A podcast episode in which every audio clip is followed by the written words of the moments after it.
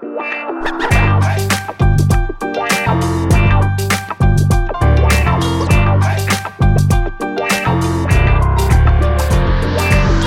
welkom bij een nieuwe aflevering van een podcast over voeding. In deze podcastserie gaan we in op de wetenschap achter voeding en laten we wetenschappers aan het woord over allerlei thema's die met voeding te maken hebben. Zoals je gewend bent van I'm a Foodie. En Bart Mol van I'm a Foodie is er natuurlijk ook weer bij. Hoi Bart.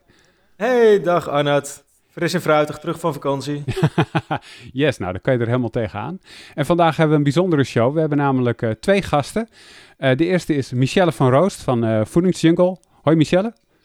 Hi, goedemorgen. En uh, Die Hard fans kunnen jou nog kennen, want we hebben je al een keer eerder te gast gehad in show 24 van seizoen 1, zeg ik uit mijn hoofd. Toen ging het over hetzelfde onderwerp, namelijk de Nutri-score, gaan we het vandaag ook weer over hebben. Maar we hebben daar nog iemand voor, namelijk Annette Rodenburg. Hallo Annette. Hallo. En uh, Annette is lector voeding en gezondheid aan de Has Hogeschool in Den Bosch, waar ze verantwoordelijk is voor de kennisontwikkeling rondom het thema voeding en gezondheid. Um, dus uh, daar gaan we het vandaag over hebben, over de Nutri-score. Uh, daar hadden we het al over in seizoen 1, maar er zijn allemaal nieuwe ontwikkelingen waar we het over willen hebben. Een soort update show dus eigenlijk, maar genoeg om het over te hebben. Um, en uh, voordat we daar zijn, beginnen we eigenlijk waar we altijd beginnen. En dan begin ik eigenlijk bij Annette deze keer. Heb je een voedingsfrustratie voor ons meegenomen? Iets in voeding wat je heeft gefrustreerd afgelopen tijd? dat is ook wel grappig dat je dat noemt. Ja, nou, we zijn bezig met een, minor. Uh, die gaat over de voedselomgeving. En eigenlijk is die voedselomgeving op dit moment één grote uitdaging. En eigenlijk misschien ook wel een klein beetje één grote frustratie. Want het is zo ontzettend lastig om gezonder te eten als je om je heen kijkt. Ja, met voedselomgeving bedoel je dan als je op straat loopt of een station binnenkomt en dan overal... Met voedselomgeving bedoel ik eigenlijk alles wat bepaalt uh, wat we eten. Mm -hmm. en dus maar, dat, maar dan is dat, uh, dat is dus één grote frustratie. Dus, dus dan loop jij je huis uit je gaat richting het station, dan voel je al gefrustreerd en dan ben je helemaal op je kookpunt.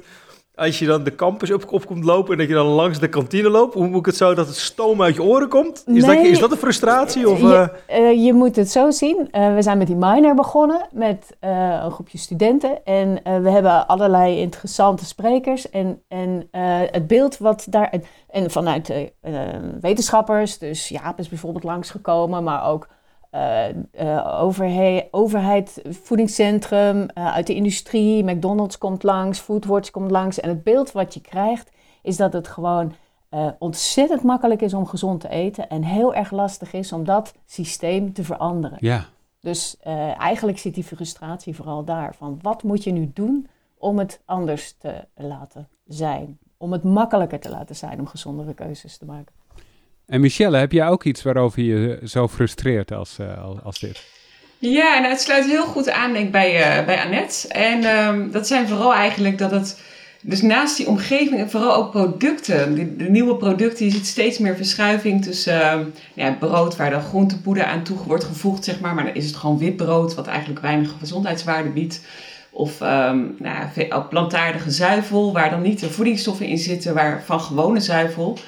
En um, als je als consument bewust en gezond wil eten en meer plantaardig, dan kan je dat soort producten bijvoorbeeld gaan kiezen, omdat je denkt dat is dan een betere keuze. En aan het, aan het eind van de dag heb je eigenlijk veel minder goede voedingsstoffen binnengekregen dan als je de gewone producten zou eten.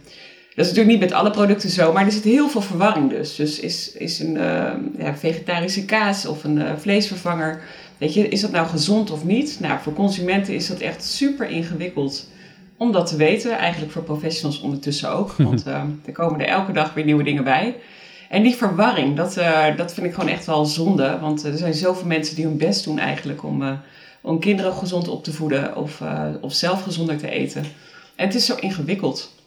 En als je, als je in de supermarkt staat en je, en je staat, nou ja, laten we zeggen bij het broodschap. En je ziet diverse soorten brood. En aan het ene is groentepoeder toegevoegd en het andere niet. Hoe, hoe kom je erachter of het een gezonde keuze is of niet?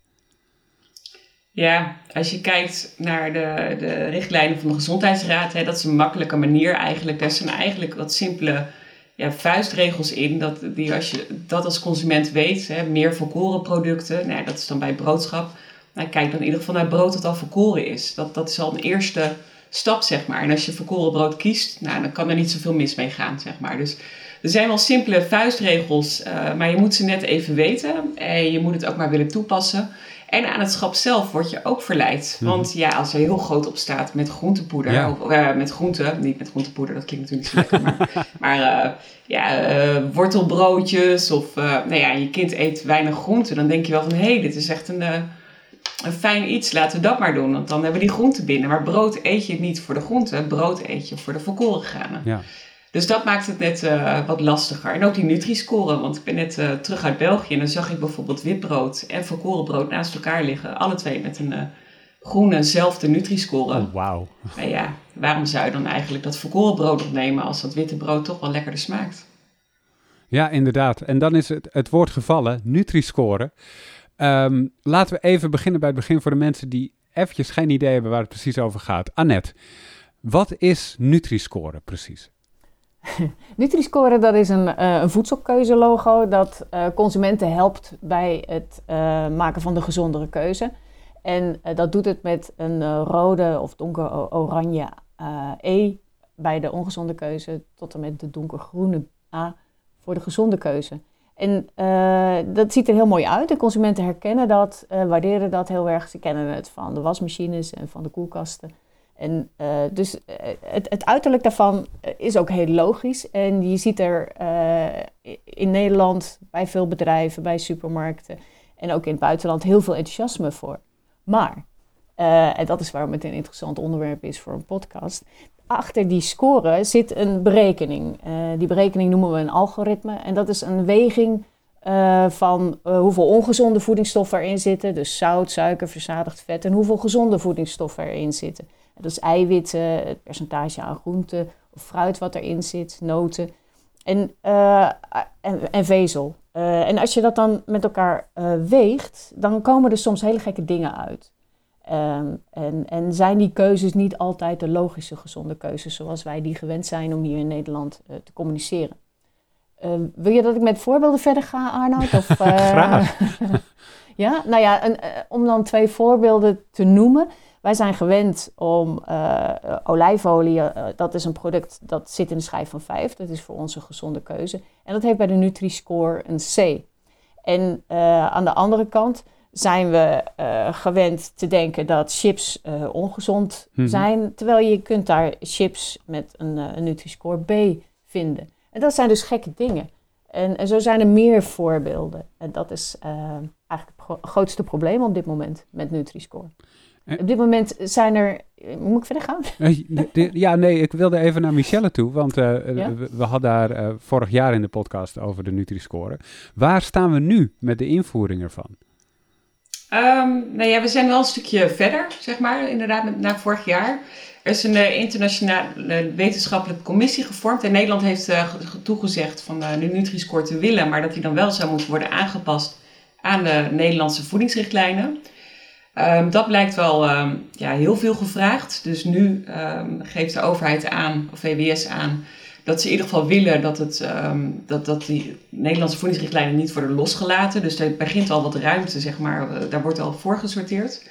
Er is een internationale wetenschappelijke commissie gevormd. Uh, van de landen die meedoen aan Nutri-Score zitten daar wetenschappers in van elk land, die, die, die de kennis ook vanuit hun land meebrengen Um, en zij gaan kijken hoe zij uh, Nutri-score beter kunnen aansluiten bij de voedingsrichtlijnen van al die landen. Mm -hmm.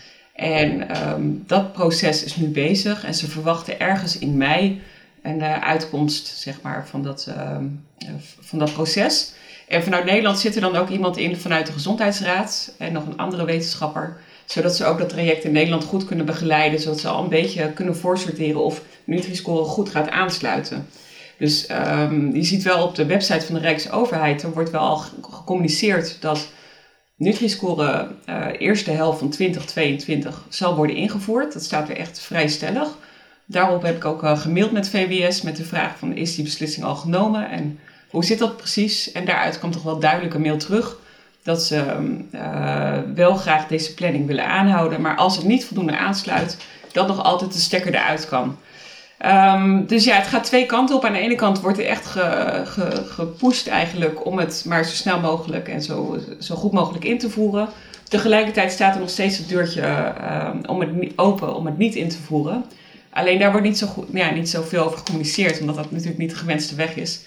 En ik denk dat dat wel goed is om dat wel uh, ook uh, in gesprek te houden, zeg maar, dat open te houden. Maar uh, Michel, hoe sta je er zelf in? Verwacht je ook dat dat wel gaat lukken met die uh, wetenschappelijke raad waar, de, waar, de, waar ze nu mee bezig zijn? Of denk je dat ze het gewoon puur doen, ja, dat ze kunnen zeggen we hebben het geprobeerd en alsnog uh, kiezen voor een andere voedselkeuzelogo? Um, ja, goede vraag. Ik denk dat de intenties zijn natuurlijk goed. Hè? Als je kijkt naar de wetenschappers die vanuit Nederland gestuurd zijn, dat zijn goede wetenschappers en daar, daar um, is ook echt wel vertrouwen in. Um, het manco zit eigenlijk aan het algoritme, uh, wat uh, Annette net ook uitlegde, is dat het algoritme eigenlijk voor heel veel voedingsmiddelengroepen geldt. Dus brood wordt op dezelfde criteria berekend, zeg maar, die score als chips of nou ja, ontbijtgranen bijvoorbeeld, of soep. En uh, ja, brood eet je echt wel voor andere uh, nutriënten om die binnen te krijgen um, dan die soep bijvoorbeeld. Hè. Die brood is dan voor die vezels en die soep is misschien voor groenten. Um, nou ja, en, en zolang er weinig ruimte is voor verschillende productcategorieën, dan heb ik daar eigenlijk wel iets minder, of ja, gewoon minder vertrouwen in. En het jammer is dat in de mandaat staat, wat de wetenschappelijke commissie heeft uitgebracht, dat er weinig ruimte is voor nieuwe productgroepen. Um, Annette heeft ook veel ervaring met eigenlijk die verdeling van productgroepen en waarom het belangrijk is. Um, want in het Ik Kies Bewust logo zaten veel meer productgroepen. Dus misschien is dat wel interessant om dat wat meer toe te lichten. Ja, ja, ik denk inderdaad dat de intenties heel goed zijn. Het zou heel mooi zijn als, uh, als die dingen aangesloten kunnen worden. En dat kan, denk ik, als je meer ruimte hebt binnen dat algoritme voor productgroepen. Voor verschillende productgroepen, zodat je ze inderdaad op verschillende manieren kunt, uh, uh, kunt beoordelen. Maar ehm, ja, zoals Michelle inderdaad ook al aangaf, dat mandaat beperkt zich heel erg. En uh, tenminste, ja, als je het goed leest, dan zou je het zo kunnen interpreteren dat het wel mogelijk is om meer productgroepen te maken. Maar je zou het ook zo kunnen lezen dat het niet mogelijk is. En dat is, ja, dat is echt een beetje een nuancering. Ik, ik kreeg het idee dat het vooral geïnterpreteerd wordt dat het niet mogelijk is om meer productgroepen te maken. Als dat inderdaad niet mogelijk is, dan ben ik wel somber over of je het goed aangesloten krijgt.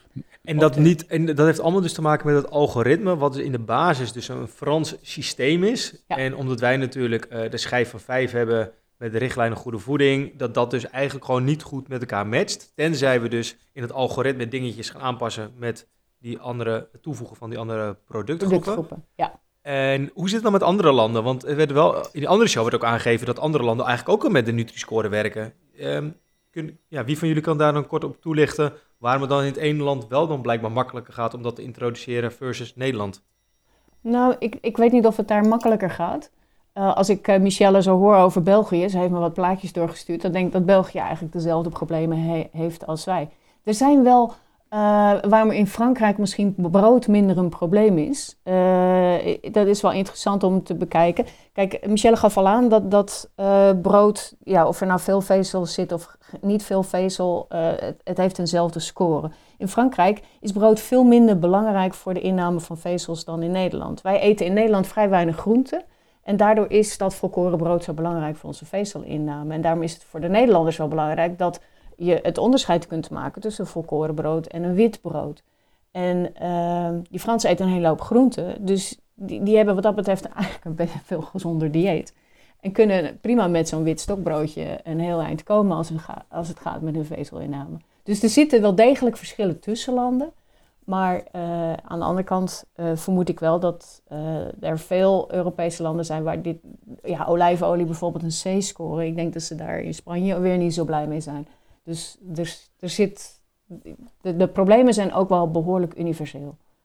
Oké, en is het zo dat wij dan, um, de, althans op de website, uh, wat Michelle net zei, is dat ze dus ja, uh, begin 2022 ergens willen gaan in, introduceren. Zit er ook gewoon een harde deadline in van voor 1 oktober, als het niet gelukt is, dan stoppen met de Nutri-score, ontwikkeling, et cetera. En dan gaan we weer kijken naar een andere voedselkeuze logo. Of kan je uiteindelijk ook misschien ook wel de conclusie trekken er is gewoon geen enkel voedselkeuzelogo dat überhaupt gaat, uh, gaat werken. Want dus, ik bedoel, de jaren, door de jaren heen hebben we natuurlijk van het vinkje tot kiesbewust tot duurzame keuze... hebben echt enorm veel verschillende logo's gehad. Of is dat even een te rigoureuze conclusie? Nou, er zijn verschillende dingen die je zegt. Als het gaat om die deadline, dan denk ik dat die deadline er nu nog steeds staat, uh, maar dat er wel corona tussendoor is gekomen. En daardoor uh, heeft, is de boel behoorlijk vertraagd. Is die commissie is veel later gestart dan de bedoeling was. En uh, dus vandaar dat het proces wat later is. Ik denk niet dat als er in oktober niks is of de commissie niet klaar is, dat dan meteen de stekker eruit getrokken wordt. Um, dus dat, dat um, en wat was het andere ding ook weer wat je zei? Sorry. Ja, dat misschien eigenlijk wel ook de conclusie getrokken kan worden op het moment als de Nutri-score, ondanks alle inzet van, ja, van iedereen, dat gewoon de Nutri-score niet, niet gaat lukken, maar welk voedselkeuze logo dan wel? Of gewoon simpelweg dat gewoon geen enkel logo het gaat worden. Want we hadden natuurlijk het, ja, het, het, het vinkje, kies bewust, uh, een duurzame keuze. Nou, je hebt het doel tegen van al die voedselkeuze logo's al gehad uh, de laatste jaren. Ja, nou, ik weet niet hoe Michelle er tegenaan kijkt. Ik, ik denk dat er wel ruimte is voor een keuze, voedselkeuze logo. Ik denk dat je, je moet er niet de wereld van verwachten, want uh, lang niet iedereen kijkt ernaar als het gaat om consumenten. Eigenlijk de meeste mensen kijken er helemaal niet naar. Maar, en dat is wel veel interessanter eigenlijk, voor de voedingsmiddelenindustrie is het wel een heel interessante incentive om producten te verbeteren. En om een betere score te kunnen halen. En of, of, zoals ze het zelf ook zien, om consumenten te helpen een gezondere keuze te maken. Dus ja, die, de foodsector kan eigenlijk niet wachten tot er een voedingsmiddelen of een, een voedselkeuzelogo is. En, en dan kun je dat maar beter zo goed mogelijk aangesloten hebben aan de manier waarop wij in Nederland gewend zijn om gezonde keuzes te communiceren. In plaats van dat je de consumenten in verwarring achterlaat. Maar Michelle denkt er misschien heel anders over. Nee, nee, nee, ik ben het wel met je eens hoor, Annette. Weet je, het is natuurlijk hartstikke fijn als je voor het schap staat. We hebben zoveel productkeuze. Hè? Sta je voor de yoghurt of ontbijtgranen brood, nou maakt niet uit wat. Weet je, al wil je een sapje kopen. Het hele schap staat er vol mee. En het een nog met een mooiere claim dan een ander. Um, nou ja, en, en smaak en, en, is natuurlijk ook super belangrijk en prijs. Maar het is fijn als je daarvoor staat en je wil een goede keuze maken, dat je gewoon heel makkelijk geholpen wordt. Dus een voedselkeuzelogo um, op zo'n verpakking kan zeker helpen. Alleen het moet wel helder zijn uh, ja, dat het je wel echt helpt om die gezondere keuze te maken. En op dit moment is er gewoon te veel verwarring rondom Nutri-score. Er wordt heel veel ja, geruzied op Twitter ook. Als je dat uh, eens bekijkt, super interessant. Serge Hertzberg, uh, de, de professor uit Frankrijk, eigenlijk de, de grote vader zeg maar, van Nutri-score, die, die verdedigt Nutri-score met hand en tand, omdat uh, olijfolie en chips bijvoorbeeld absoluut niet met elkaar vergeleken mogen worden. Dus het voorbeeld van Annette van zojuist, hè, dat zal die meteen neersabelen van ja, chips met die B die, die bevat gewoon een, gunstigere samenstelling dan de andere chips. Dus daarom krijgt hij een B. En die moet je niet vergelijken met olijfolie. Dat is eigenlijk wat je continu terug hoort. Um, maar als je kijkt naar het mandaat, hoe je Nutri-Score moet gebruiken en hoe het bedoeld is, dan staat er heel duidelijk bij dat het product in dezelfde productgroep helpt hè, om die producten qua samenstelling met elkaar te vergelijken, maar ook producten voor hetzelfde consumptiemoment. Dus wil jij een toetje kopen, of, um, dan kan je dus prima yoghurt met vla en met ijs vergelijken. Want sommige mensen eten gewoon prima ijs als toetje en anderen weer als vla. En wil jij uh, lekker gaan borrelen met vrienden, ja, dan kan je nootjes prima vergelijken met chips en een blokje kaas. Dus dan kom je toch eigenlijk weer, of dat uh, stukje ham, zeg maar. Dus je kan weer, um, dan heb je echt wel die, die, die vergelijking met productgroepen die, die continu worden neergestapeld dat, dat, dat het kolder is. Want dat is dan eigenlijk niet zo. Dus um, als zo een, een logo um, echt naar productcriteria kijkt voor die groep. En als je niet kan compenseren, want dat zie ik eigenlijk als het grootste manco van Nutri-Score. Als je wat pulvruchtenpoeder in wit brood stopt, ja, gaan die vezels omhoog. Maar ja, of dat nou brood gezonder maakt. Ik heb nog geen onderzoek gevonden, zeg maar, dat het door die pulvruchtenvezels komt.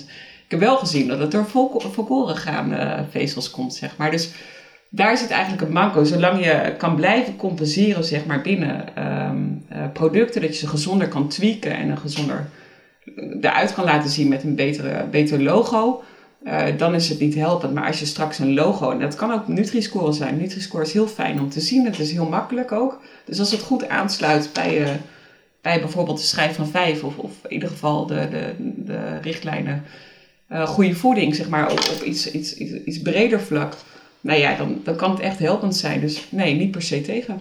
Oké, dus als ik het samenvat, liever een imperfecte Nutri-score dan helemaal geen logo. Zeg ik het zo goed? Ja. Ja, maar nou, imperfect dan niet zo zoals nu Nutri-Score. Nutri-Score is wel heel erg uh, gemarkeerd. Ja, ja. Liever een, eigenlijk zouden wij gewoon een logo moeten hebben dat past bij de manier waarop wij gewend zijn om gezonde keuzes te communiceren. Dus dat past bij de schijf van 5. Dus alles wat in de schijf van 5 past is groen en uh, de rest uh, is geel tot en met rood. Ja, dat, dat zou de ideale situatie zijn. Dat zou de ideale situatie zijn. En wat uh, mankeert eraan dat het dus dan nu niet is? Kunnen we dan niet gewoon ja, het beste van Nutri-Score overnemen en alles wat het slecht maakt, dat we dat gewoon eraf, eraf snijden? Waar, waar, zit dan nu de moeilijkheid in? Dat het dus ja, in, dat, in, in, in, het, uh, in het stukje Europa, hè? in het stukje mandaat dat je, uh, dat je dat met een aantal landen gezamenlijk doet. Dat je uh, rekening moet houden dat wij onderdeel zijn van een Europese markt en dat er dus een soort van harmonisatie uh, plaats moet vinden. En uh, dan stap je eigenlijk over, over de verschillen tussen landen in. Die zijn misschien niet zo heel groot als het gaat om aanbevelingen. Maar er zijn wel verschillen, zoals wat ik zo net noemde, als het gaat om het brood.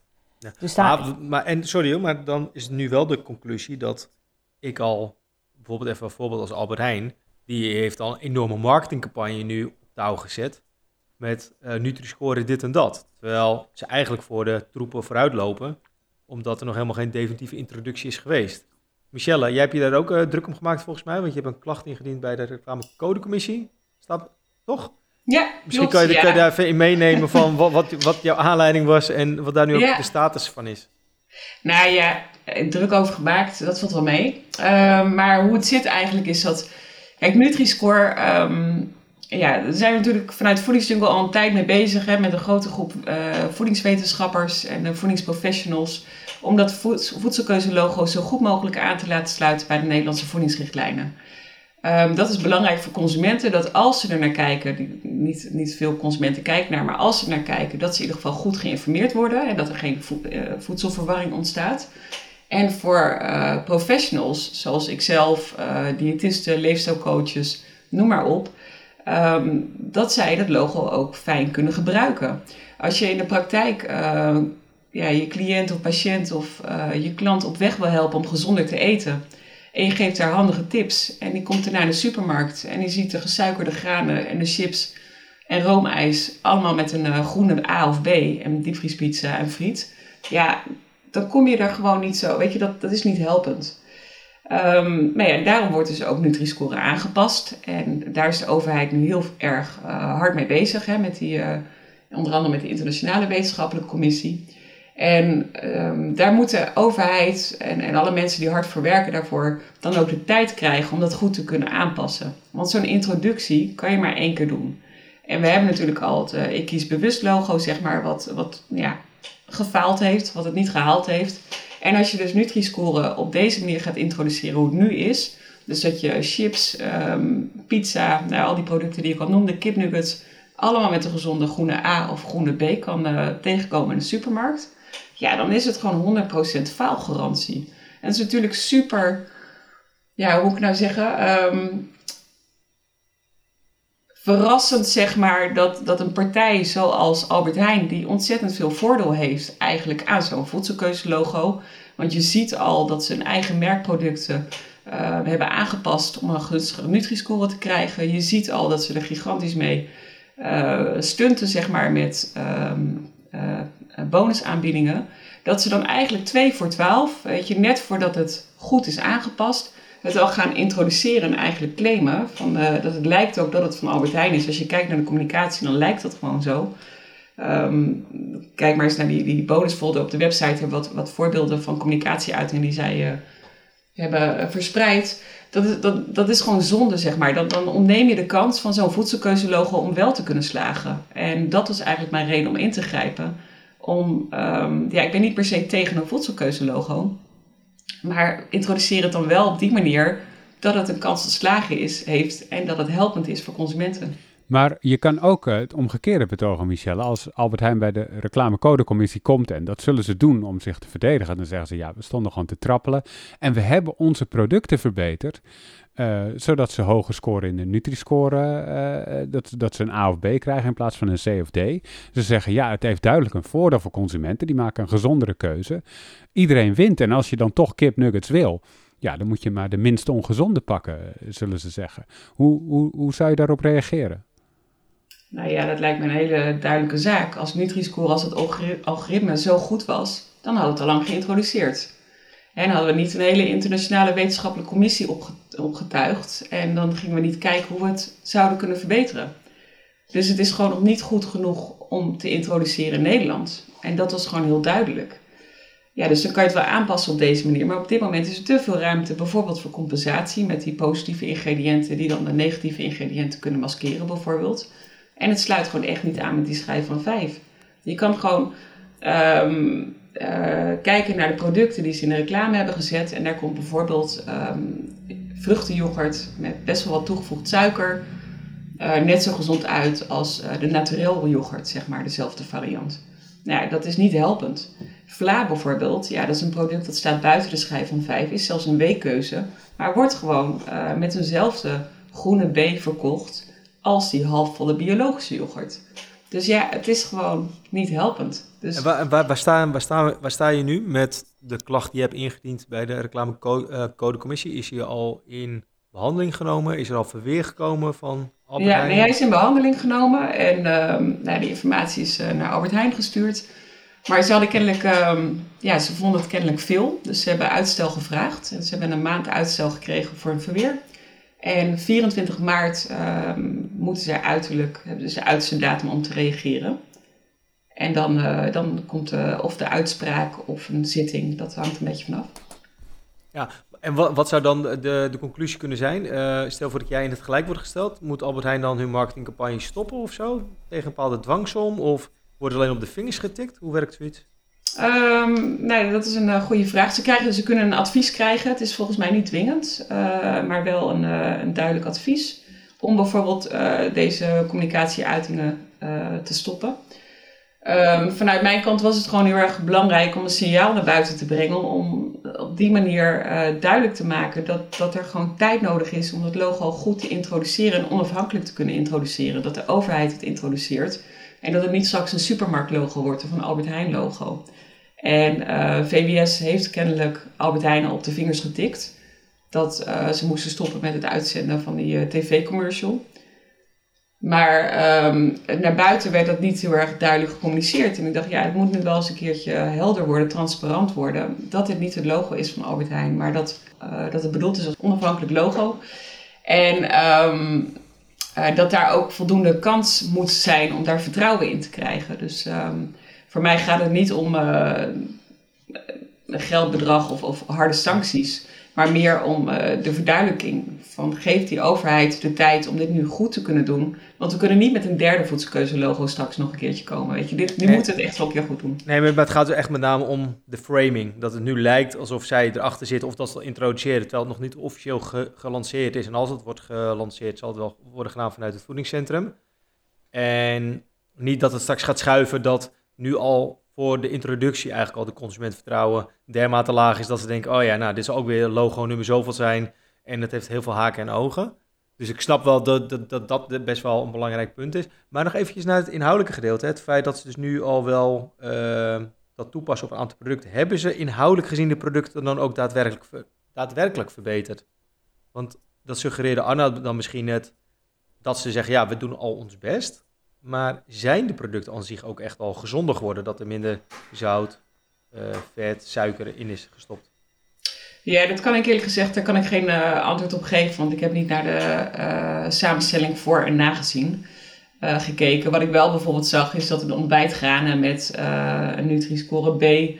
zeg maar nog steeds iets van, van bijna een kwart suiker bevatten. Ja, dat, dat helpt gewoon niet, zeg maar. Dus uh, ontbijtgranen die eet je niet voor, uh, voor de toegevoegde suikers. En als daar bijna een kwart suiker in zit en je gebruikt er 40 gram van, ja, dan zit je al uh, op 2,5 suikerklontje per kommetje waarvan je denkt dat je heel gezond bezig bent. Um, ja, en hoe dat met al die andere producten zit, ja, dat paprika chips een B krijgt, dat is nog geen huismerkproduct van de Albert Heijn, maar gewoon, oh, gewoon als algemeen voorbeeld ja, paprika chips, weet je, ehm, leuk en aardig, maar chips is chips en dat eet je voor de lekker en niet voor gezondheidswinst. Ja, en uh, als we het even breder trekken, uh, hoe staat uh, de Aldi, Lidl, de Dirk, Deka, noem ze even allemaal op hoor, maar het is allemaal non-spon. nee, maar hoe staan, hoe staan de rest er allemaal in? Houden zich die allemaal wel netjes aan de ja, afspraken die met elkaar zijn gemaakt? Of dat ze even wel officieel wachten totdat de overheid ermee naar buiten komt? Ja, er was volgens mij één supermarkt die er, in ieder, geval eentje die er uitsprong, die er nog niet over communiceerde. En maar je ziet het wel terug, ook wel bij andere supermarkten. Dus bij Plus en bij Jumbo zag ik het terug. Al communiceert Jumbo op dit moment vooral op gouden wissels. En um, daarmee houden ze echt die schijf van vijf uh, in het achterhoofd. En ze, ze nutje eigenlijk uh, consumenten om producten die buiten de schijf staan te vervangen voor gezondere producten die in de schijf staan. En um, ja, dat, dat gebeurt op dit moment daar vooral. En Nutri-score is wat meer op de achtergrond. Dat vind ik eigenlijk een veel fijner iets, zeg maar. Dat je stimuleert in kleine stapjes mensen gezonder te laten eten. En dan op basis van wat we in Nederland gezond vinden, waar die consensus over is. Ja, inderdaad. En Annette, uh, denk je dat die klacht bij de reclamecodecommissie uh, dat, dat, dat Albert Heijn zich zorgen moet maken? Is dit, uh, is dit serieus wel een misleiding, denk je? Ja, zeker. Dat, dat denk ik wel. Ja, ik denk dat uh, Albert Heijn zich wel zorgen moet maken. Het is echt gewoon jammer dat ze gestart zijn. Ik snap het ongeduld heel erg, want ze moeten al heel lang wachten op een voedselkeuzelogo. Het vinkje is al in 2018, november 2018 al uitgefaseerd. Dus ik, ik snap het ongeduld. Maar dit is een valse start, want je begint uh, uh, met iets wat niet klopt. Dus er zijn heel veel voorbeelden in omloop. En Michel heeft er al heel veel genoemd die niet logisch zijn. En ieder voorbeeld op zich is gewoon een, een afbreukrisico voor de geloofwaardigheid van dat logo. En waarom zijn ze zo ongeduldig eigenlijk? Ze willen heel graag uh, ja, iets hebben om te kunnen communiceren wat gezonde keuzes zijn aan consumenten. En, en interessant, dat is wat ze willen hebben. Maar ze zullen die consument pas echt gaan helpen als ze ook communiceren wat ongezonde keuzes zijn. Mhm. Ik had nog weer uh, zo'n folder uh, uh, meegenomen. En dan zag ik van ja, je ziet wel nu al die A's en B's in die folder staan. Maar je ziet bij de MM's en bij de andere chocoladeproducten, zie je geen rode E's in de folder staan. Dus dat, ja, en die staan wel in die folder. Dus daar, daar, eigenlijk is dat de manier om uiteindelijk de consument echt te helpen bij het maken van gezondere keuzes. Maar willen ze dat wel echt? Dat, vraag, dat is misschien een beetje een zwartgallige Ja, wat is hun belang daarbij? nee, ja, daarom. Ik bedoel, uiteindelijk, ja, even misschien mijn, mijn kapitalistische... heb je helemaal gelijk in. En dat is waarom niet Albert Heijn het voortouw moet nemen, maar de overheid het voortouw moet nemen. En samen met het voedingscentrum moet communiceren over die gezonde keuzes. Dat is ook een veel geloofwaardiger afzender dan uh, een, een, een supermarktketen of een leverancier is. Het moet vanuit een andere route komen. Dat, dat is wat we geleerd hebben van het vinkje. Daar, uh, je moet het niet vanuit de industrie willen uh, versturen. Je moet het vanuit de overheid willen versturen. Dan pas ben je geloofwaardig bezig. Ja, en naast het feit toch dat je, als je kijkt naar het preventieakkoord uit 2018, nou was het volgens mij ook het idee dat, uh, dat er flintendunne afspraken zijn gemaakt. En als er afspraken zijn gemaakt dat er geen uh, ja, deadline aan zit, of dat er hele open uiteindes zijn zitten, of dat er geen handhavingsmomenten uh, zijn als ze iets niet hebben behaald. Dat alleen is, oh ja, ja, we hebben wel de ambitie uitgesproken en dan ben je vijf jaar later, ja, helaas niet gehaald. Nou, we gaan weer, de volgende deadline is 2030. Ja, ja, je bedoelt denk ik dan uh, het akkoord verbeterde productsamenstelling, uh, wat, wat inderdaad wat losser was. Maar daar is een opvolging voor gekomen. Waar, en dat is ook nog niet af met deadlines erbij. Maar ook daar is in ieder geval nu de overheid aan het stuur in plaats van de, de voedsector. En ik denk ook dat dat een makkelijker route is om echt veranderingen voor elkaar te krijgen. Want nu hebben we het eigenlijk eventjes over de supermarkt gehad, maar daarachter zit natuurlijk gewoon de voedselproducent. Mm En waar zit dan de echte incentive? Ik bedoel, is dan de supermarkt dat die echt gezondere producten wil aanbieden? Of moet je niet nog één niveau dieper kijken dat gewoon de producent, dat die ook ja, het veel meer in zijn vezels moet gaan krijgen, dat die, die zelf al een incentive heeft van ja, ik heb nu eigenlijk gewoon best wel ongezonde producten.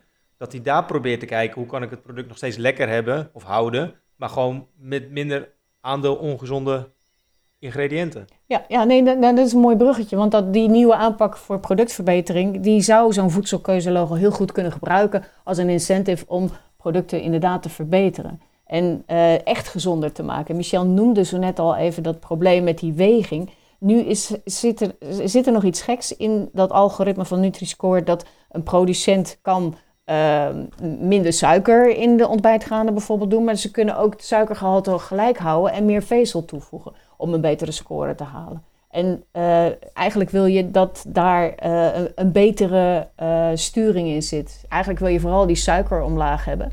En dat meer vezel ook, maar niet die suiker dan gelijk houden. Die moeten zeker ook omlaag. Dus je moet, je, de, er moet, moet wat meer absolute scores tussen zitten. Ja. als ik bijvoorbeeld even mijn ijs heb, ik eigenlijk als uh, voorbeeld. Uh, ik weet dat het ongezond is, maar in een gezond voedingspatroon is er ook ruimte voor ja, zeg maar ongezondere keuzes. Dus als ik nou per se dat lekkere ijs wil hebben, dan weet ik wel dat het vol zit met vet, suiker, zout. En dat het waarschijnlijk nooit een A zal worden, maar dat het gewoon een E is. Wat ik ook helemaal niet erg vind, want ik eet dat niet elke dag of elke week. Dus daarin. Ja, ja daar heb je ook helemaal gelijk in hoor. Dat, weet je, niet alle producten moeten hypergezond zijn. Weet je, dat, dat, dat hoeft ook helemaal niet. Er moet ook ruimte zijn om. om uh, nou ja, gewoon eten moet natuurlijk ook uh, het liefst uh, fijn smaken en lekker zijn. Maar er moet ook gewoon ruimte zijn voor, voor die lekkere bak ijs. Of voor, voor een pizza. Of voor het wijntje met, met een chippy of een nootje of wat dan ook. Dus dat, dat, dat klopt helemaal. Uh, maar wat je nu krijgt uh, te zien bijvoorbeeld, als je een pizza gaat bestellen bij Domino's Pizza, dan heb je de keuze en daar zit ook de Nutri-score bij. Maar het maakt niet uit of jij een kleine pizza koopt of een grote pizza koopt. Weet je, die score die blijft hetzelfde, want die is berekend uh, per 100 gram. Nou ja, als ik, um, um, ook al weet ik het en ook al is het mijn vak, zeg maar, mijn achtergrond. Als ik zo'n pizza koop en ik koop dus een grotere pizza en die heeft een gezonde score, een groene score, dan doet dat onbewust bij mij toch wel wat, weet je. En hij ligt daar en het is super lekker en hij ruikt. En nou ja, dan eet ik toch wel makkelijk net wat meer dan ik eigenlijk zou eten als ik ja, mezelf niet helemaal voor het lapje zou houden, zeg maar. En dat gaat natuurlijk ook voor die uh, ontbijtgranen of van die ijs. Weet je, dus als ik ijs eet, weet ik ook wel van, joh, weet je, dan moet ik niet te vaak doen. Of chocola of, ja, noem maar op. Maar ja, als zij dan op die chips, weet je, er toch een groene B op staat, weet je. En ik heb ja, best wel hard gewerkt die dag. Ik ben gewoon moe, weet je. En ik ga even zitten met het wijntje. Ja, en die zak ligt daar. Ja, dan vind ik het toch wel iets minder, laat me zeggen, makkelijk om het netjes in een bakje te doen en daarna die zak weg te leggen. Weet je, dan denk ik, ah joh, staat er een B op, weet je, het zal wel goed zijn. Weet je, dat, dat is een beetje het, het, het, het lastige ervan. En er zit er nog eentje aan, uh, Bart. Want als jij uh, in de supermarkt bent en je ziet je favoriete ijs daar afgeprijsd voor twee voor de prijs van één, dan neem je twee bakken. En uh, ja, omdat je dan twee bakken hebt, zul je ook meer ijs eten. En die, dat ijs heeft misschien dan wel een rode A, maar ja, dat, dat, dat is een, sorry, een rode E. Rode E, hè? Ja, ik ja, zeggen rode e. A. rode E maar dat zou jou er niet van weerhouden om meer ijs te gaan eten. Dus ja, en dan eh, ook al, ja, het is wel grappig. Uh, gisteren hadden we juist uh, een, een heel leuk college van iemand die vertelde van dat multi-buy verboden is in, Eng in Engeland. Dat zou ook nog wel een hele interessante zijn, dat je multi-buy verbiedt voor, en multi-buy is twee voor de prijs van één, hè, voor ongezonde producten. Dat zou een mooie zijn voor Nederland. Dat je alle nou, eens en dan dat je daar dan niet meer in de folders uh, twee voor de prijs van één mag, uh, mag doen. Dat je dat alleen maar van de gezonde producten mag, mag doen. Dus alleen maar de zakken chips met een label B en niet met een label E. Nou ja, dan wil je dat eruit halen. Ja. ja. dat zou dan eerst gecorrigeerd moeten worden. Ja, die Domino's pizza's natuurlijk ook. ja. anders uh, kom je nog nergens. en, dit is ook, en dit is ook nog eens een keer, maar dat is weer een andere show die we wel gehad met Twan Timmermans ging ook over voedselverspilling. Dat juist als je dus twee dingen koopt, is de kans dat je het, het uiteindelijk misschien weggooit omdat je het tijdig niet hebt opgegeten, uh, is die kans ook, ook weer groter. Dus dan snijdt het in ieder geval aan twee kanten. Dat je in ieder geval gewoon alleen iets koopt dat je ook zeker weet dat je het voor de THT uh, eh, opeet. En dat het inderdaad misschien alleen bij je gezondere producten is. Ja, maar toch is dat bij pizza, ijs en chips bij mij nooit zo'n probleem, Bart. Ja, ja, ik koop mijn producten altijd online. Dus dat scheelt echt. Dat, ja, Ik was toevallig een paar weken geleden even met mijn uh, zoontjes door uh, een grote supermarkt aan het lopen met een foodcourt en zo. Nou, ik ben er voor mij al drie kwartier binnen geweest. en inderdaad, ik had echt wel 15% nieuwe producten gevonden. Hey, nooit gezien online. Mhm. Omdat je toch, ja, voor 80, 85% koop je toch altijd hetzelfde met je ogen dicht dat je het aanklikt. Van, oh ja, dit heb ik nodig. En dan opeens kwam ik met heel veel nieuwe exotische producten thuis. dat mijn vriendin ook zei, wat is dit allemaal? Ja, ja. Hey, maar als we, ja, als we vooruitkijken en uh, het is de overheid, dus laten we een goede termijn pakken, anderhalf jaar. Uh, Annette, ik begin bij jou. Hebben we dan een Nutri-score? En zo ja, hoe ziet die eruit? Nou, die vind ik heel spannend. Ik heb, ik heb echt mijn twijfels. Of die er komt of hoe die er komt? Of die er komt. Want uh, straks als die, die commissie klaar is, dan gaat de Gezondheidsraad daar nog iets over zeggen. En dan is het strakjes aan de, um, aan de overheid dus om er al dan niet de stekker uit te trekken. En ik hoop eigenlijk met Michelle dat ze, als het niet klopt, dus als het niet past bij de richtlijnen schijf van 5, dat ze dan de stekker eruit trekken. En dan hebben we geen voedselkeuzelogo. Terwijl dat eigenlijk best wel jammer zou zijn. En dan zou ik hopen, maar dat is dan, um, zou mijn advies zijn aan de overheid om dan de nieuwe aanpak voor productverbetering, dat is ook een set, maar dan productgroep specifieke criteria, om die te gebruiken voor een ander voedselkeuzelogo. Dus dat zou mijn idee zijn om het op die manier aan te pakken. Maar dan heb je dus iets voor alleen Nederland. En dan hou je wat minder rekening met het feit dat wij een Europese markt hebben. En wat denk jij, Michelle? Ja, um, nou, ik weet niet wat ik uh, moet denken. Ik weet wel wat ik moet hopen. wat ik wil uh, wensen, zeg maar. Ik wens Nederland eigenlijk een uh, voedselkeuzelogo toe. Ook Nutri-score, prima. Ehm, maar dat dan de wetenschappelijke commissie over het mandaat stapt en meer productgroepen aanwijst. Um, en dat het dan in die, manier, in die zin zeg maar, beter gaat aansluiten en dat de ruimte voor compensatie, wat Annette ook aangeeft, hè, dat, niet dat je alleen maar iets positiefs toevoegt, zoals vezels, maar ook dat je iets negatiefs weghaalt. Hè, dus dat die compensatie eigenlijk gewoon daaruit wordt uh, gesleuteld. Um, dat is dat het misschien wat vertraging oploopt, maar dat je dan straks echt wel een goed logo krijgt. En dan zullen er ook nog altijd wel rafelrandjes aan zitten. Maar dan is het oké, okay, dan zijn het er maar een paar. En op dit moment is het gewoon één grote onduidelijke warboel. Dus, um, ja. Maar hebben we nu die score over anderhalf jaar, denk je, of niet? Um, ja, eigenlijk met alle druk die nu komt vanuit uh, retail en uh, vanuit uh, organisaties zoals Consumentenbond en Foodwatch, ja, denk ik eigenlijk dat uiteindelijk toch de weg van de minste weerstand wordt gekozen. Um, maar ja, dan heb je wel een logo met 100% faalgarantie dat niemand helpt. Dus, um, ja. Maar weet je ook het, de, toevallig waarom de consument, Consumentenbond juist zo proactief is? Want ik, in de voorbereiding op deze show had ik ook daar een interview over gelezen. Dat zij zeiden van, ja, het helpt in ieder geval ietsje erbij. Dus uh, de schijf van 5 helpt. Uh, nou, de Nutri-score helpt weer een beetje naar een gezondere keuze. Dus een soort van in het kader van alle beetjes helpen. Terwijl, ja, jullie natuurlijk veel meer... In 2018 heeft de Consumentenbond een onderzoek gedaan om te kijken welk uh, nou het meest helpend zou zijn. Daar zat ook Nutri-score in. Maar daar kwam het stoplichtmodel naar boven eigenlijk. Waardoor je uh, inzicht kregen nutriënten. Dus hoeveel zout of energie erin zit of hoeveel suiker. En dat zou dan ook helpen voor mensen uh, die bijvoorbeeld op uh, energie moeten letten, maar ook die specifiek op zout moeten letten. Um, nou ja, en toen waren ze eigenlijk nog voor het stoplichtenmodel. En uiteindelijk is er een, een, ja, een ommezwaai gekomen. En zijn ze volop uh, Nutri-score gegaan. Wat interessant is, als je kijkt naar de website van de Consumentenbond. En je gaat naar de pagina um, die duidelijk maakt waarom ik kies bewust uh, een super slecht logo is in de ogen van de Consumentenbond. Uh, dan kun je eigenlijk alle punten die ze daar noemen, ze noemen het echt heel, heel duidelijk, hè, het is verwarrend. Um, het, het, het, nou ja, ze geven voorbeelden zeg maar, uh, die niet kloppen. Nou, het hele verhaal, dat kun je bijna één op één toepassen op Nutri-Score of Nutri-Score nu is. Um, dus ja, het verbaast mij ook enorm, want het helpt consumenten, uh, de consumenten niet. En de Consumentenbond is toch echt om consumenten te helpen. Ja, inderdaad.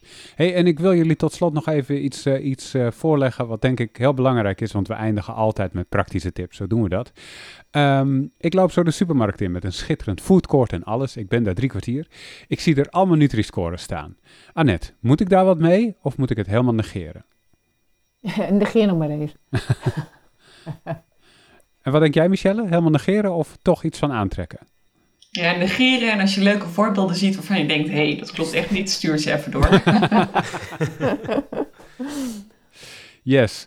En, uh, en tot slot vragen we altijd, en, en, en dat is altijd een heel waardevolle vraag. Wie zou er nog meer te gast moeten hebben in deze podcast? Annette, weet je iemand? Nou, ik zou, ja, ik heb daar nog even, want ik wist dat je dit ging vragen. Mm heb je Gustav Haan van Question Mark al langs gehad? Ja, nou, uh, niet uh, Gustav, maar wel uh, Charlotte. Ja. Oh, Charlotte. Oh, dus oh, ja. die hebben we wel in de show gehad. Dus, ja. dat is de volgende aflevering. Deze show, ja. is dat de volgende? Ja, Wanneer wordt die gepland? Ja, volgende. Ja. ja. Oké, okay, want ja, Question Mark is natuurlijk een heel interessante organisatie met hun superlijst en de vergelijkingen tussen. Ja, daar hebben we toevallig een show over gehad met Charlotte Lin, Linnenbank. Hebben we een uur lang over de superlijst gehad. Mm Dat er ook dit jaar, eind dit jaar, komt er eigenlijk een tweede editie. En um, ja, het is ook super uh, leuk en relevant om te horen. Inderdaad. Heb je ook nog een tip, Michelle? Ja, ik weet niet of ik het vorige keer al genoemd heb, maar ik vind het uh, onderzoek van Kees de Graaf over eetsnelheid zo uh, relevant. Um, hebben jullie dat al gedaan of niet? Want ik heb niet. Ik heb Kees hebben we wel in de show gehad. Ging volgens mij over een ander onderwerp. Ja. Maar um, on, uh, eetsnelheid, hè, zei ja, je? Eetsnelheid, ja, ja, Dat is echt wel. Vind ik zo interessant. Hij heeft uh, gekeken naar onder andere Um, laat me zeggen, hoeveel kilokal je per minuut binnenkrijgt uh, van verschillende voedingsmiddelen. Uh, chocomel is de grote winnaar bijvoorbeeld en, uh, en gele cake. Daar kan je echt binnen een minuut of binnen vijf minuten met chocomel geloof ik had je als vrouw al je daginnamen binnen. Als je dat rustig drinkt. Oh, dan kan je wel en, een challenge houden. ja, nou ja, ja of juist niet. denk ik. Maar ik denk dat dat wel uh, zo'n eye-opener is. Want waar Annette een begin mee begon met die voedselomgeving. En overal wordt voedsel aangeboden op een manier waarop het heel makkelijk te eten is. En heel snel en tussendoor. En onbewust. En dat je het gewoon zo naar binnen schuift. En uh, ja, als je ergens op moet kouwen, weet je, ook een broodje bijvoorbeeld, zo'n zacht broodje of gewoon echt nou, ik kom net uh, twee weken in België gezeten. En naast ons zat een hele lekkere bakker, maar dan kreeg je stokbrood. Nou, dan moest je echt, dan moest je de tijd vernemen, zeg maar. Een snelle lunch zat er even niet in. Uh, maar dat, dat hielp eigenlijk wel om gewoon even dat moment, um, ja, een rustig eetmoment. En dat je ook echt de tijd nam. En uh, ja, daardoor ja, voel je je ook verzadiger, uh, verzadigder, zeg maar. En dat is echt wel een goede ontwikkeling. Ik hoop dat dat ook in de toekomst ook wordt meegenomen. Dat we niet alleen kijken naar, naar maaltijdpatronen. Hè, we zijn weggestapt, en dat vinden we wel belangrijk om te melden met Nutri-score. We, gingen, we keken eerst altijd naar nutriënten. De Gezondheidsraad heeft in 2015 gekeken, niet meer los naar nutriënten, maar echt naar voedingsmiddelen en, en maaltijdpatronen wat we innemen. En ik denk dat een mooie um, vooruitstap zou nog zijn, is hoe we dat dan innemen. Dus die... Uh, um, ja, de, de, vorm, zeg maar. En daarbij is eetsnelheid uh, ook een belangrijke factor. Ja, ben ik helemaal mee eens. Het is een heel interessant onderzoek. Je zou uiteindelijk een, een Nutri-score willen ontwikkelen... waar je ook nog een score voor eetsnelheid in zou kunnen verwerken. Yes, dankjewel. Zodat je ze langzaam eet. Ja. Hey Bart, heb jij tot slot van deze aflevering nog dingen vanuit I'm a Foodie die je even wil noemen? Nou, eigenlijk gewoon, uh, mocht je dit een leuke show vinden, uh, kan je een vriend van de show worden. Uh, de, daarmee kan je deze show ondersteunen. Ga naar vriendvandeshow.nl slash POV en daarin kan je een donatie doen. Dan kunnen we deze hele leuke, mooie, relevante shows blijven maken. Yes, en als je dit nou een leuke show vindt, dan kun je ons natuurlijk opzoeken in Spotify of welke andere podcast heb je maar gebruikt.